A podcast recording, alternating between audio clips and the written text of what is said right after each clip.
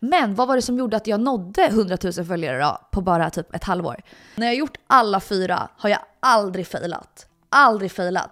Så om du gör alla de här fyra grejerna, jag tror helt ärligt inte att du kan faila. Och sen är det bara att börja lura hjärnan. Kolla på den videon varje kväll innan du går och lägger dig och varje morgon. Du dras ofta till toxic killar. Blunda, visualisera. Den här toxic killen är i ditt liv, du märker, du ser hans signaler. När du involverar känslor medan du visualiserar och manifesterar. Så det här blir din lilla uppgift. Men det handlar om att ha en tro i processen och lita på att det kommer och inte bli stressad och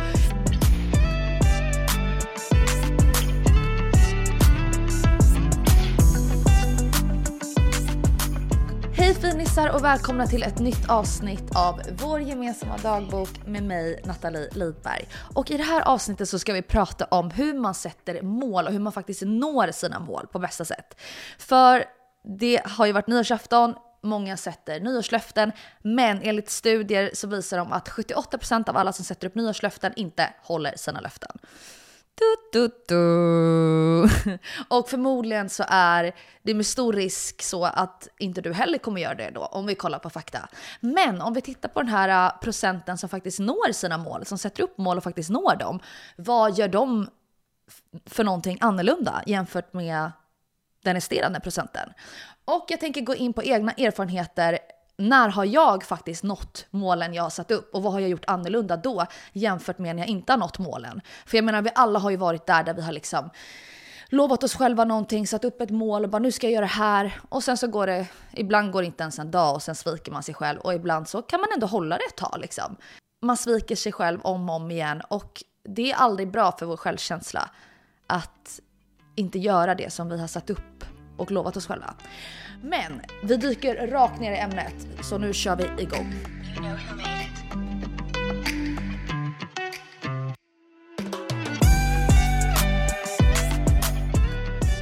Så det första jag vill säga är att är du en person som faktiskt sätter upp mål, som har satt upp mål, så är det jätte, jättebra.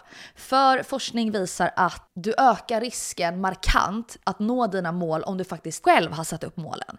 För ofta så är det någon annan som sätter upp målen åt oss, till exempel på ett företag eh, eller i skolan eller du vet så här, vi blir alltid styrda av andra. Men när du tar kommandot själv och faktiskt sätter upp målen själv så ökar du risken markant med att faktiskt nå målet. Men sen är det en till grej. Om du är en person som faktiskt har skrivit ner med papper och penna Jättebra, jättebra. Då är du en av de procenten som har lättare att nå dina mål. För det är även bevisat enligt forskning att du ökar risken med, eller chansen med 20% att nå dina mål om du faktiskt har fysiskt skrivit ner det men hur kommer det sig att så många är så dåliga på att sätta upp mål? Hur kommer det sig att 78% av alla som sätter upp nyårslöften inte håller dem? Först och främst så får vi aldrig lära oss hur man sätter mål.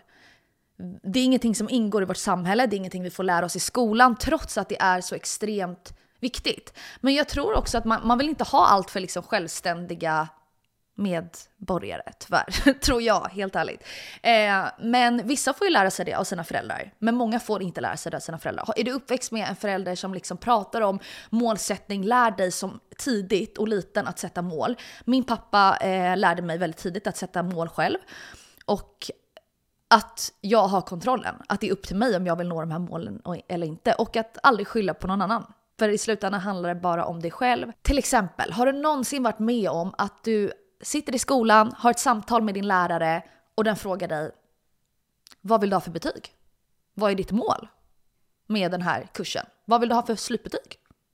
Aldrig hänt, aldrig hänt. Konstigt. Alltså hade jag varit en lärare, 100% jag hade frågat så här, okej okay, men vad, vad är ditt mål? Vad vill du ha för betyg? Så kanske han hade sagt, ja men för mig, ett C hade jag varit nöjd med liksom. För I och med att jag kanske satsar på den här idrotten, la la la la så behöver inte jag ha A.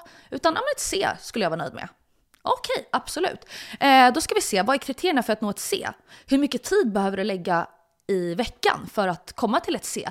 Hur, hur lätt eller svårt har du med inlärning? Kanske du behöver mer tid än andra? Alltså utifrån, ni fattar vad jag menar. Varför får vi inte lära oss det här som små?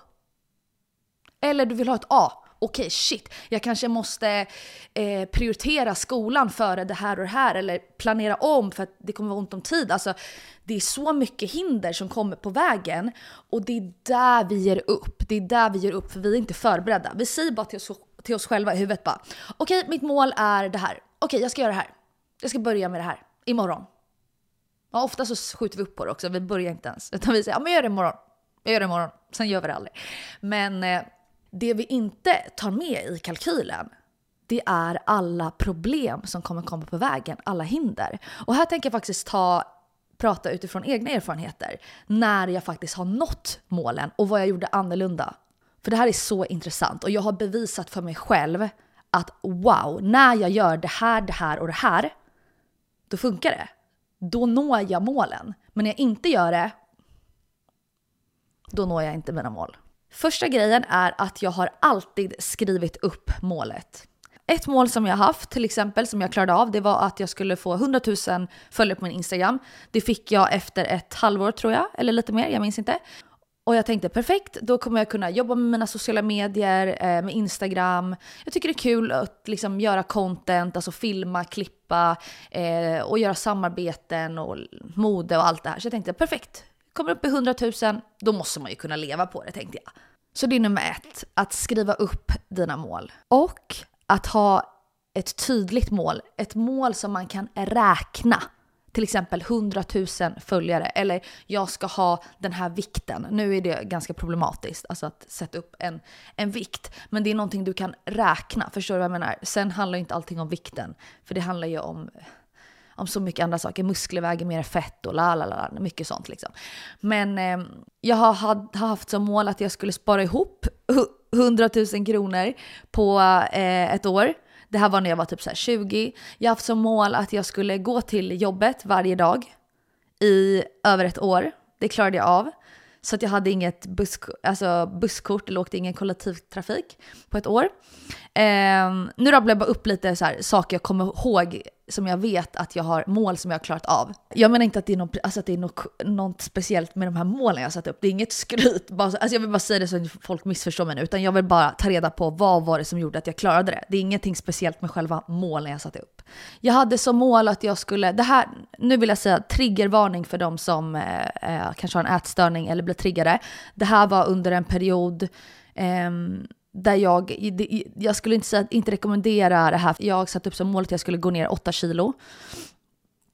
Eh, det här var under en period där jag hade gått upp väldigt mycket i vikt och jag kände mig inte så här ah, bekväm i den, i den kroppen jag hade just då. Men som jag pratade om i förra avsnittet så ska man aldrig vara liksom så här, eh, strikt och liksom gå på en diet eller vara så här eh. så om vi börjar med den här eh, 100 000 följare på Instagram. Det började med att jag hade kanske typ 20 000 följare, 25 000 följare på Instagram. Och så tänkte jag, mm, hur mycket följare behöver man ha för att kunna så försörja sig på sina sociala medier? Jag tänkte så här, 100 000, perfekt. Jag sätter ribban högt. jag, vi kör 100 000. Men sen när jag väl nådde 100 000 följare så insåg jag att det var kanske inte rätt mål att sätta upp. För allting handlar inte om hur många följare du har, utan det handlar om vilka följer dig.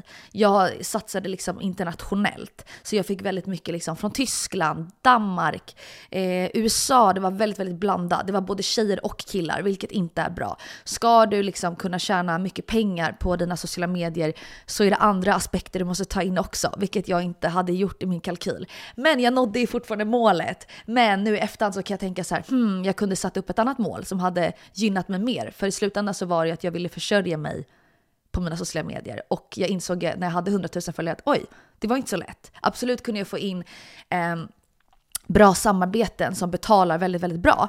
Men det var ju också ostabilt för ena månaden så kom det inga samarbeten. Eller så kanske jag fick skiterbjudanden som är så här, det här kan jag inte tacka ja till för det är alldeles för lite pengar. För du ska också skatta bort hälften. Så även om det låter mycket, hälften ryker. alltså i skatter och avgifter. Eh, och, och, sådär. Ja, det vart inte som jag hade tänkt. Men vad var det som gjorde att jag nådde 100 000 följare då, på bara typ ett halvår? Jo, nummer ett. Jag skrev upp på, med penna och papper. 100 000 följare, mål. Sen så skrev jag, hur ska jag göra för att nå de här målen? Och då skrev jag, okej, okay, jag måste lägga upp En bild varje dag, annars en bild varannan dag. Okej, hur ska jag göra för att kunna ha en bild varje dag eller en bild varannan dag att lägga upp? Då skriver jag ner en plan. Hur ska jag kunna, vad ska jag ha för rutiner för att kunna leverera så många bilder? Och jag satte mig ner med min pojkvän, som tur var hade jag hon, har jag honom så han kunde ta bilder på mig. Och vi bodde utomlands och jag hade inget annat jobb så jag hade mycket, väldigt mycket fritid. Och jag bara perfekt. Skriv upp med penna och papper, då ökar du risken med 20%. Sätt upp dina mål själv och inte, låt inte någon annan sätta upp målet till dig. 3. Skriv upp en plan för hur du ska nå det här målet. Och nummer 4. Var tydlig med vad ditt mål är. Det kan inte vara diffust. Ah, jag vill eh, bli stor på Instagram och tjäna pengar. Okej, okay. men vad betyder det? Du måste kunna räkna ut, du måste kunna eh, mäta när du har nått ditt mål. Det är väldigt, väldigt, väldigt viktigt. Sen finns det vissa mål som är väldigt svåra att mäta. Eh, men kan du sätta upp ett mål som är mätbart, alltså oh my god, det underlättar så, så, så, så, så, så himla, himla mycket. För då kan du hela tiden jämföra, okej okay, snart är jag där, snart är jag där. Om jag får så här många följare i veckan, hur lång tid tar det tills jag är där? Alltså du kan räkna på ett helt annat sätt som gör att du får en mer överblick över allting.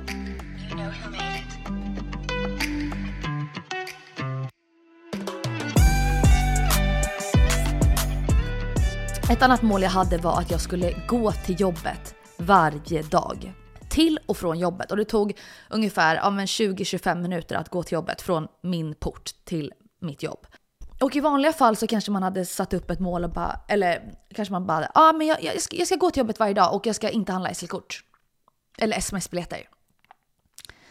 Sen kommer en dag, man är stressad, man eh, har försovit sig, ah, jag tar tunnelbanan. Eller oj, det blev vinter helt plötsligt. Det är kallt. Fy fan, det här pallar jag inte. Äh, men jag kan i alla fall ta tunnelbanan när det är vinter. Vi förbereder oss inte på de hindren som kan komma på vägen. Men det jag gjorde annorlunda, både när jag satte upp målet med 100 000 följare och när jag skulle, satte upp det här målet att jag skulle gå till jobbet varje dag, det var att jag såg framför mig de här hindren som kunde komma på vägen. Åh, jag orkar inte ta bilder idag. Eller som jag precis sa, åh det är vinter. Nej, jag skiter i det här nu, för det är för kallt. Jag kan inte gå till jobbet när det är fucking snöstorm ute. Så vad gör jag? Jag skriver upp målet, hur jag ska nå målet och vilka hinder som kan komma på vägen och hur jag ska hantera de hindren. För då är hjärnan förberedd på att säga, oj det här kan hända. Ah, men när det här händer då ska jag göra det här. Även fast det är en simpel grej så är det väldigt lätt för hjärnan att skita i det. Jag bara, äh, men jag, jag orkar inte. Men när du redan har förberett hjärnan på att så här, mm, jag visste att det här skulle hända. Men just det, jag behöver bara sätta på mig varma kläder. Och det gör ingenting att det är en snöstorm, för jag har redan gjort det här. Jag har redan sett det här framför mig. Så jag skrev upp till exempel, hindren som kan hända när jag vill gå till jobbet är att jag jag brukar inte försova mig ofta utan jag brukar alltid vakna när klockan ringer så det var inte ett problem jag hade. Däremot så ett problem som jag visste skulle kunna uppstå är att jag står och velar vilken outfit jag ska ha. Eh, ser framför mig och jag bara åh nej nej nej vad ska jag ha? Och så bara åh, prioriterar att ha en snygg outfit framför att gå till jobbet. Det visste jag, med stor sannolikhet så kommer det här hända. Med stor, stor sannolikhet. Då tänkte jag så här, okej, okay, så vad kan jag göra annorlunda för att inte hamna i den situationen? Okej, om jag varje kväll har lagt fram kläder så att jag slipper vara i den situationen, då har jag fått bort ett problem. Ni förstår vad jag menar, det låter så jävla simpelt och så här, ja fast det är simpelt. Men ändå så gör vi inte det. Ändå så gör 98% av de som sätter mål eh, eh, tänker inte så här, utan de säger bara okej okay, jag ska börja gå till jobbet varje dag. 20 minuter, sen 20 minuter hem. Men de tänker inte på de här andra situationerna som kan dyka upp. Även fast det låter så rimligt och man bara ja men det är väl självklart. Fast det är inte så självklart, för varför gör vi inte det då? Eh, och nummer tre, det sista jag gör när jag skrivit upp alla hindren och sånt, det är att jag tar bort papperna. Sen blundar jag och så ser jag framför mig. Det är morgon, jag är trött, det är kallt, det är snöstorm. Jag ser framför mig, där ligger mina kläder vikta bredvid sängen. Jag tar på mig kläderna, jag sätter på mig varma kläder, halsduk runt hela ansiktet, jag går ut bam, kylan rakt i ansiktet. Går hela vägen till jobbet, kommer fram, tar av mig kläderna, börjar mitt pass. Så vad har hänt nu? Jo, min hjärna tror att jag redan har varit med om det här hindret och övervunnit det hindret. Min hjärna tror att jag redan har gjort det här. För hjärnan kan inte skilja på fantasi och verklighet. Jag tror att jag har nämnt det här tidigare i podden. Eh, och det är bevisat enligt forskning. Så du kan blunda och få in rutiner genom att bara blunda. Sen är det ju bra att du gör det i verkligheten och praktiserar i verkligheten. Men det blir så mycket enklare om du redan har gjort det i ditt huvud. För vad händer den dagen? Första dagen det är snöstorm. Ja, då har du redan gjort det. Du vet exakt hur du ska hantera det.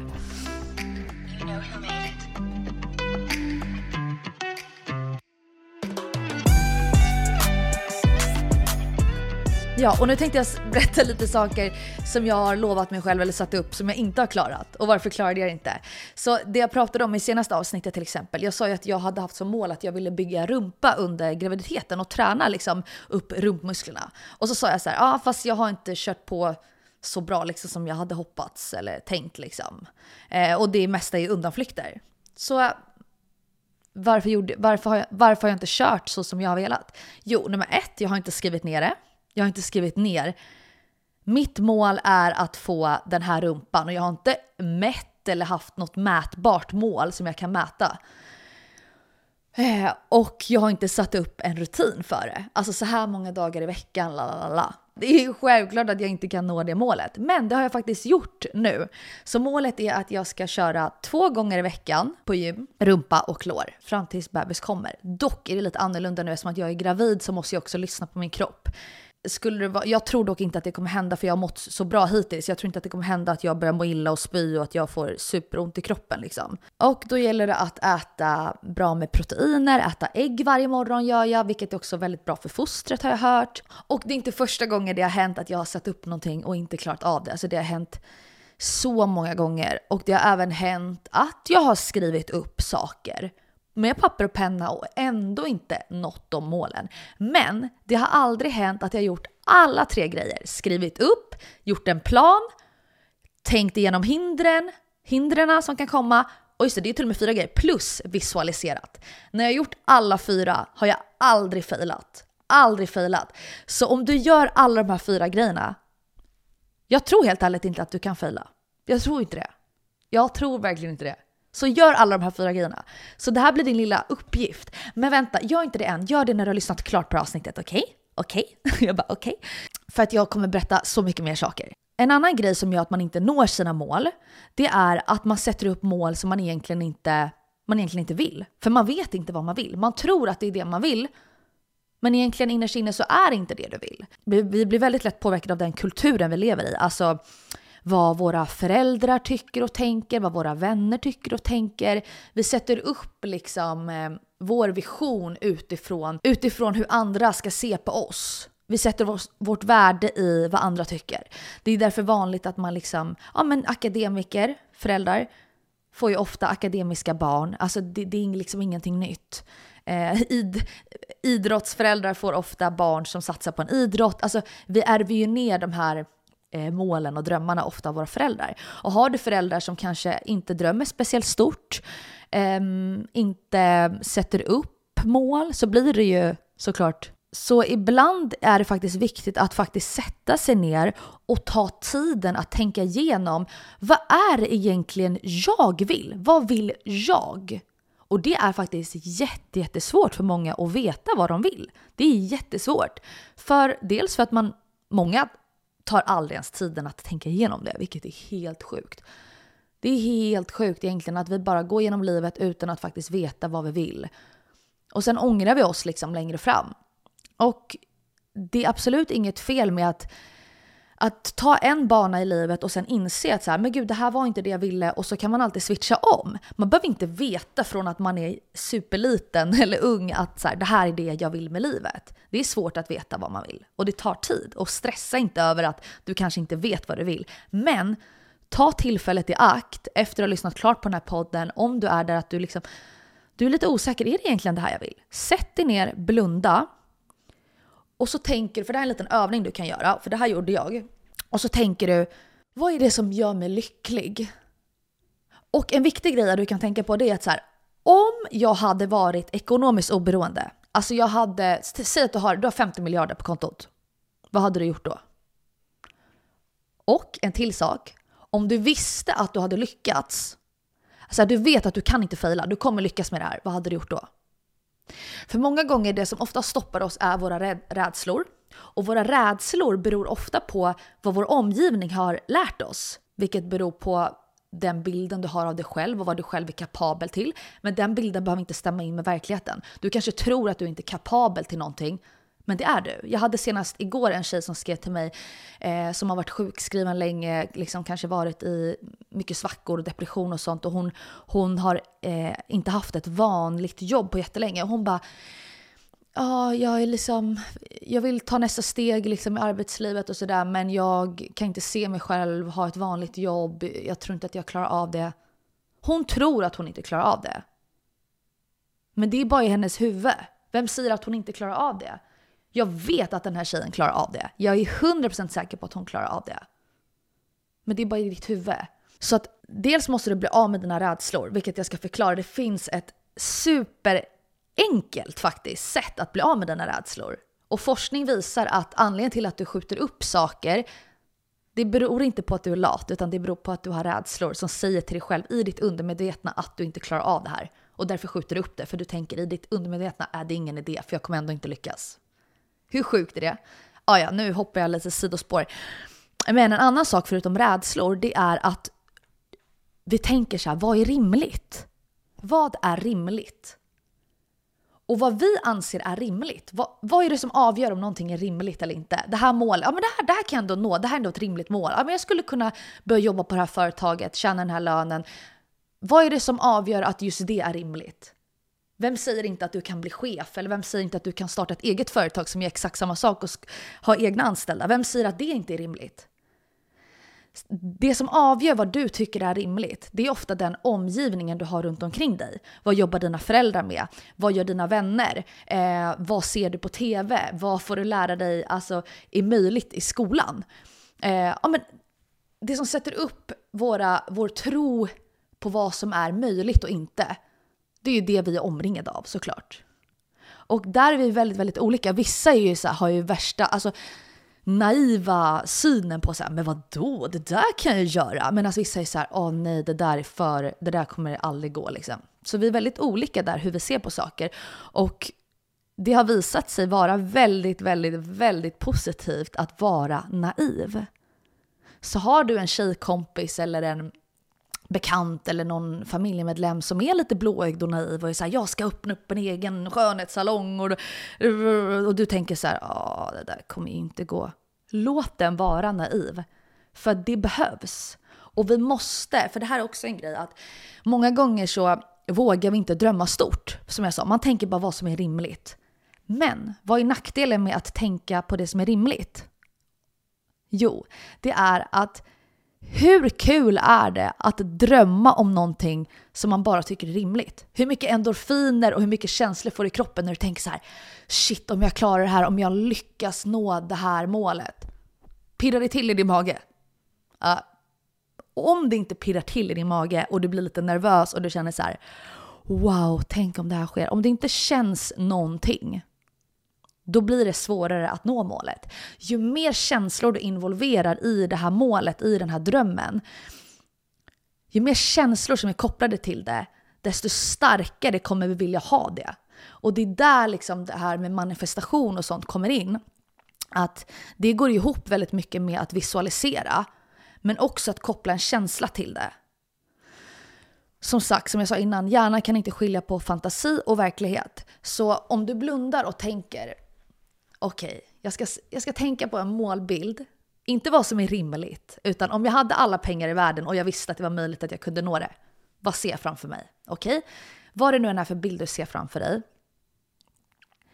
Ta in så många sinnen du kan. Se framför dig hur du liksom går in där på jobbet. Vi säger att din dröm är att jobba på eh, Spotify i New York, säger vi. Eller eh, vad det nu än är för någonting. Du går in där på kontoret, du blippar ditt kort, du åker upp i hissen, upp på övervåningen. Oj, du är lite hungrig, du käkar en frukost med värsta utsikten över New York.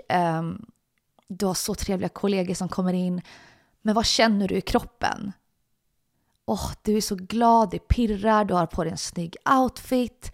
Alltså involvera saker som gör dig glad. Visa att du, du blir väldigt glad av att ha på dig klackar och känna dig snygg. Ja, men ha det i din, i din bild när du går in på kontoret. Du har klackar och du har snygga, snygga kläder. För då när, när du tittar på dig själv i spegeln, då blir du lite glad, lite pirrig. Du liksom involverar massa känslor. Ja, och det är också bevisat enligt forskning. En, jag lyssnar mycket på en man som heter Dr. Joe Dispenza. Och han har gjort jättemycket studier på det här. Och det visar sig när du involverar känslor medan du visualiserar och manifesterar så äh, ökar du eh, chansen att nå det här, alltså målet eller den här drömmen och den här målbilden så mycket, mycket, mycket enklare. Och det är jätteviktigt att man gör det. Så det kan vara ett misstag du kanske inte har gjort tidigare, att du inte har involverat känslor. För det ska du verkligen göra. Och att våga drömma stort. För annars är det ganska svårt att få in känslor. Ja, du drömmer om att jobba på det här sketna kontoret här i, i Stockholm. Det kanske inte pirrar till lika mycket. Vad vet jag, nu tog jag bara ett exempel. Det är såklart att du kan ha ett drömjobb här i Stockholm också. Men ni, fatt, ni förstår poängen. Och många människor är rädda för att drömma stort. För de, det är liksom de flesta människor är det. Men kollar du på de som faktiskt lyckas eh, så är de väldigt, väldigt naiva. Den första mannen som besteg Mount Everest, alla trodde han var helt galen. De bara, han är helt delusional. Det var ingen som hade gjort det tidigare. Vad gjorde han? Jo, han såg sig själv bestiga Mount Everest innan han gjorde det. Och till slut så var han där på toppen och var den första mannen som besteg Mount Everest. Det är så här, vi måste använda vår fantasi. Allting, och det är det här som man kommer in lite på manifestation, är att den här mikrofonen som jag pratar i, eller den här eh, iPhonen, det började med en tanke. En person som hade extrem fantasi och var så här, hmm, skulle vilja ha någonting man, som kan liksom förhöja rösten och liksom förbättra ljudet som man kan prata i. Eh, det börjar alltid med en tanke, en fantasi, en, en målbild som sen blir till en fysisk verklighet. Och det är det som är manifestation. Den här telefonen är en manifestation. Den här mikrofonen är, allt är en manifestation som börjar med en tanke. Och kan du ens få upp det i ditt huvud, ja då kan du göra det till verklighet. Och det är det det handlar om. Du måste tro på dig själv. Du måste tro på att det är möjligt. One day they're replaced with fear. How did we get here? Darling, don't quit your daydream. It's your life that you're making. It ain't big enough if it doesn't scare the hell out of you. If it makes you nervous. Jag ska också faktiskt ta ett exempel som eh, är nyligen i tid och det är den här podden. Ni kanske aldrig ens har tänkt på det så här, jaha, eh, nej men hon har väl startat en podd, det är väl inte så svårt liksom. Eh, men om jag ska berätta exakt hur, hur det gick till.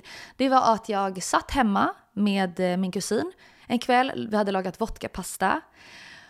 Och så sa hon, har du sett den här intervjun med eh, Hailey Bieber? Eh, och Call Her Daddy. Så vi streamar upp den på tvn från Spotify. Och det är en videopodcast. Jag var såhär wow, nice. Man kan liksom se den på stor-tv. Aha, två tjejer sitter i varsin fåtölj. Och det bara slog mig när jag satt där och liksom hade kollat liksom mer än halva eh, intervjun. Bara, oh my god. För jag lyssnar jättemycket på videopodcast. Jag älskar att lyssna på videopodcast från England och från USA. Och jag var såhär wow det här måste jag ju göra i Sverige. För vad är det jag älskar allra, allra mest? Det är att prata med människor.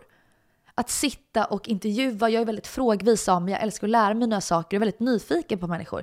Så jag bara, är det någonting jag ska göra så är det att ha en podcast. Och jag, det var ju precis, jag hade nått 100 000 följare på Instagram och jag insåg att så här, det här är inte hållbart. Jag måste göra någonting där jag når ut mer genuint till en målgrupp, där det inte är så ytligt.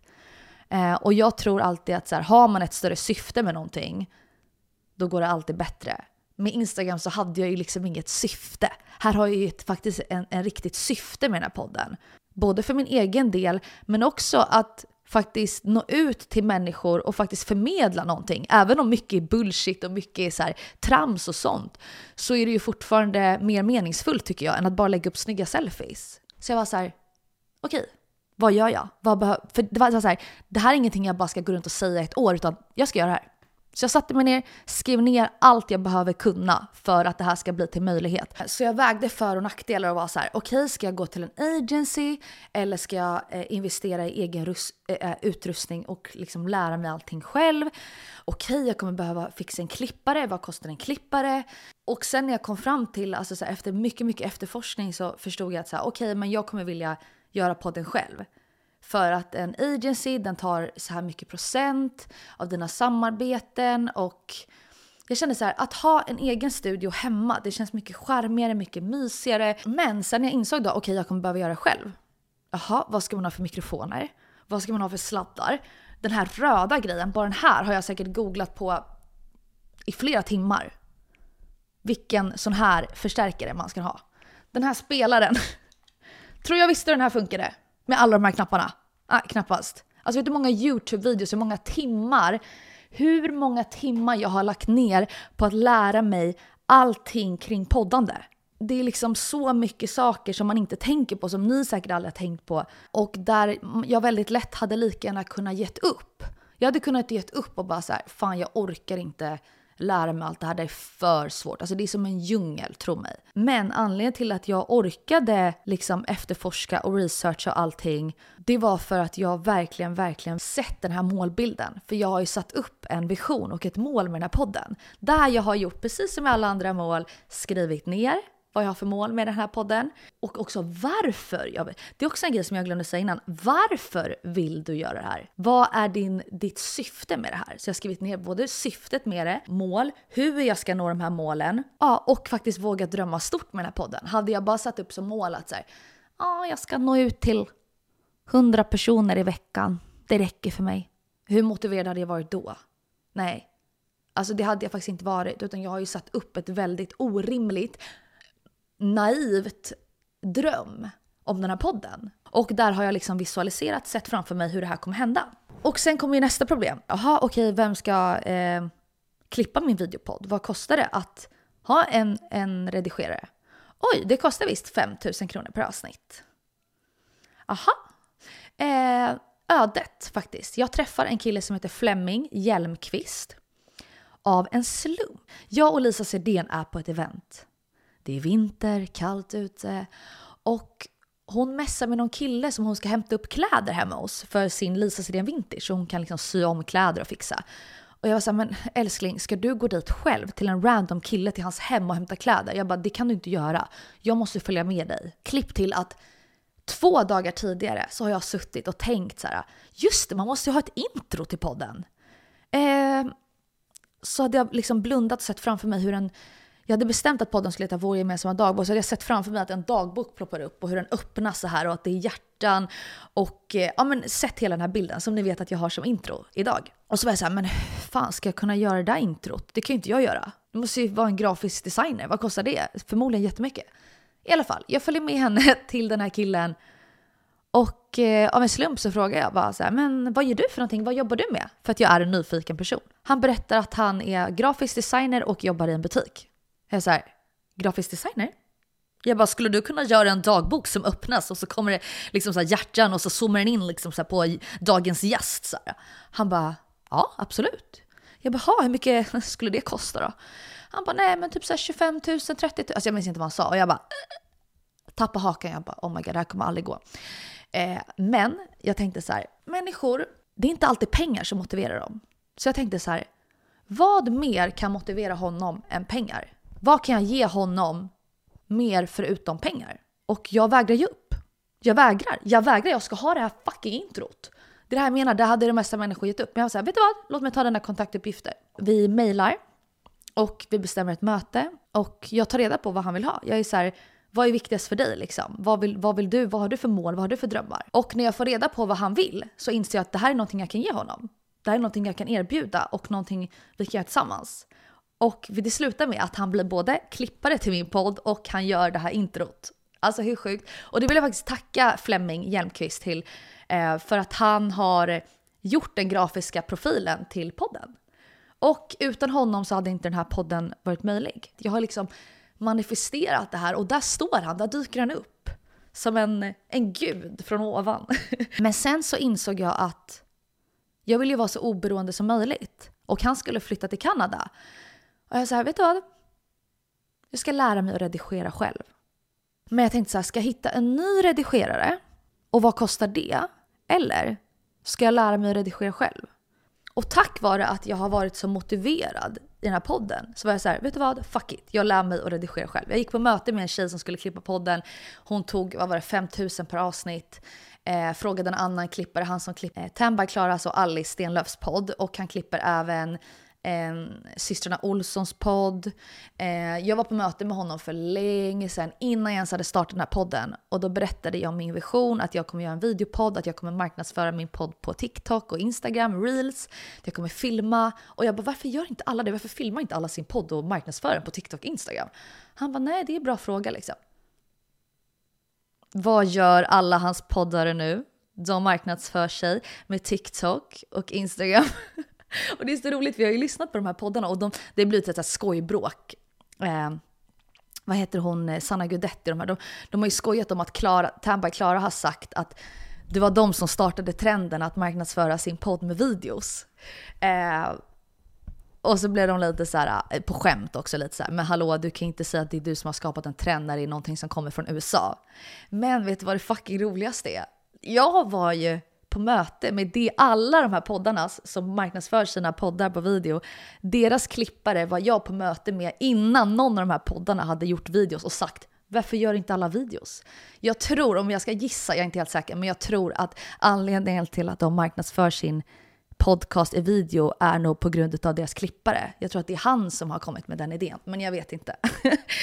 ja, det var bara lite rolig grej.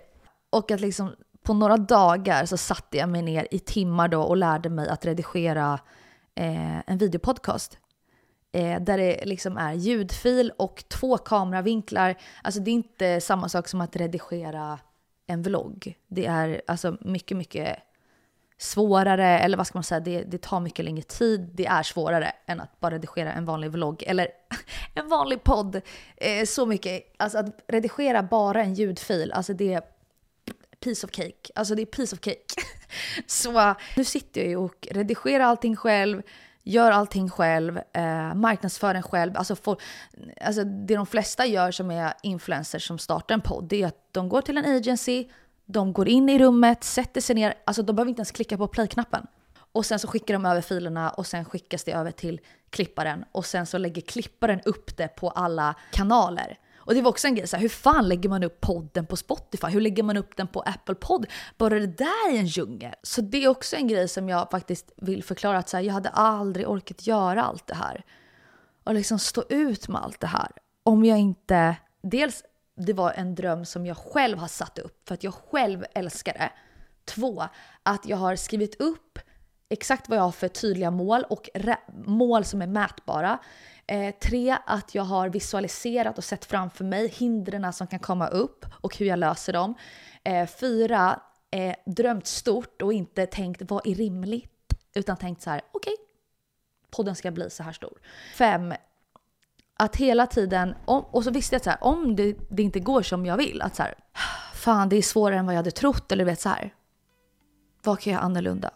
Vad kan jag göra annorlunda? Gör jag, jag gör så mycket jag kan? Nej. Bra, då vet jag att jag alltid kan göra mer.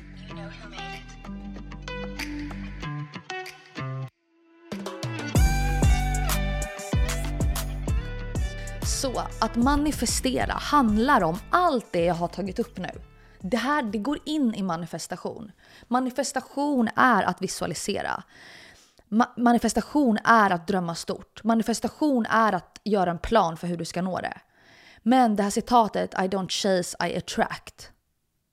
Det är för att det handlar inte om att du inte ska eh, sätta upp mål, att du ska jobba hårt för att komma dit.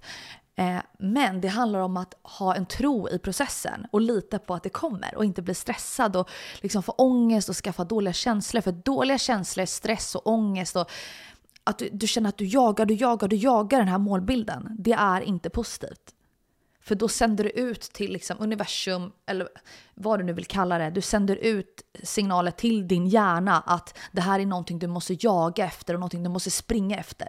Och det är inte positivt. Och jag har en tydlig övning för er som ni, ska, eh, som ni kan göra och som jag har gjort. Dels i övningen det som jag har suttit och berättat i hela avsnittet, att ni ska skriva upp all, alla de här stegen. Eh, men det har ni säkert förstått för det här laget. Men en till övning ni kan göra som eh, går in i lite så här det här manifestera och sånt, det är att eh, många gör ju en sån vision board. Men en annan grej är att man kan ju både ha mål som är liksom mer nära i tiden och sen kan man ha en dröm. En dröm är mycket längre fram i tiden. Det ni ska göra då det är att ni går in på Pinterest och så tar ni fram bilder som representerar liksom er vision board, alltså er, eh, det, ni vill, det ni har visualiserat och det ni vill eh, uppnå.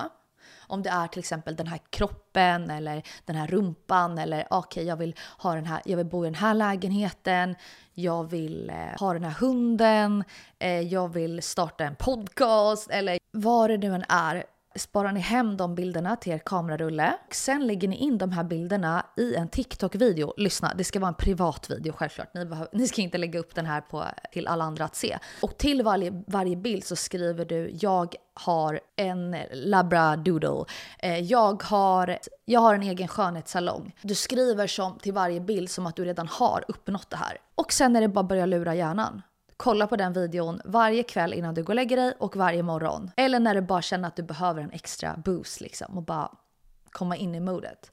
Och sen att regelbundet visualisera, blunda, inkludera så många sinnen som möjligt och kom ihåg, inkludera så mycket känslor som möjligt. Se dig själv uppnå här, den här bilden, den här drömmen du har. Även om det är någonting litet eller någonting stort.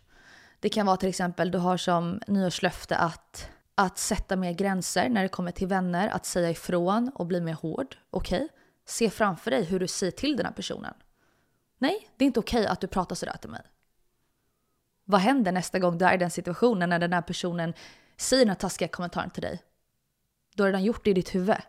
Det är ingen fara, ingenting kommer hända, du kommer klara det. Vad händer i verkligheten? Jo, du säger till den. Det är inte okej att du pratar sådär till mig. Det kan vara vad som helst. Du dras ofta till toxic killar. Blunda, visualisera. Den här toxic killen är i ditt liv. Du märker, du ser hans signaler. Vad gör du? Vet du vad? Jag slutar all kontakt. Jag säger så här, trevligt att träffa dig, eh, jag önskar dig allt gott, men eh, du är liksom inte riktigt rätt kille för mig. Se framför dig hur du kommer in en ny kille i ditt liv. Oh, green flags! Hmm, jag ger den här killen en chans. Förstår du? Du kan liksom förbereda din hjärna på det du vill. Så slipper du stå där och göra val och göra, eh, ta beslut som du egentligen vet inte är bra för dig. För det är så det funkar. Vi gör hela tiden val och vi, vi tar hela tiden beslut och gör val även fast vi vet att det inte är bra. Vi kan inte låta bli. When we were kids in the backyard Playing astronauts and rockstars No one told us to stop it, called us unrealistic. Then suddenly you're 18, go to college for your plan B. What you want is too risky. Live for weekends and whiskey. We all got these big ideas. One day they're replaced with fear.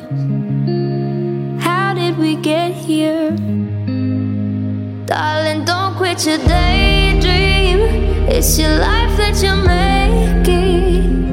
It ain't big enough if it doesn't scare the hell out of you.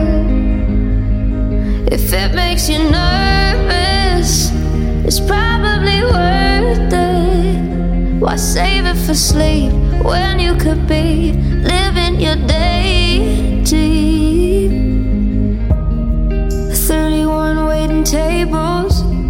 She has a voice of an angel, out of money and power. She only sings in the shower. All these things we say we'll get to shot down by the reasons not to. Darling, don't quit your daydream. It's your life that you're making.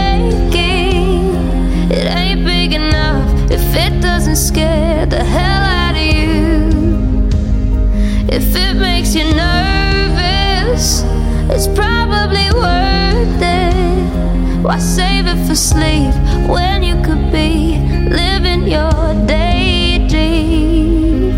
So scared of failure that we fail to try. Turning around before the finish line. Gotta fall for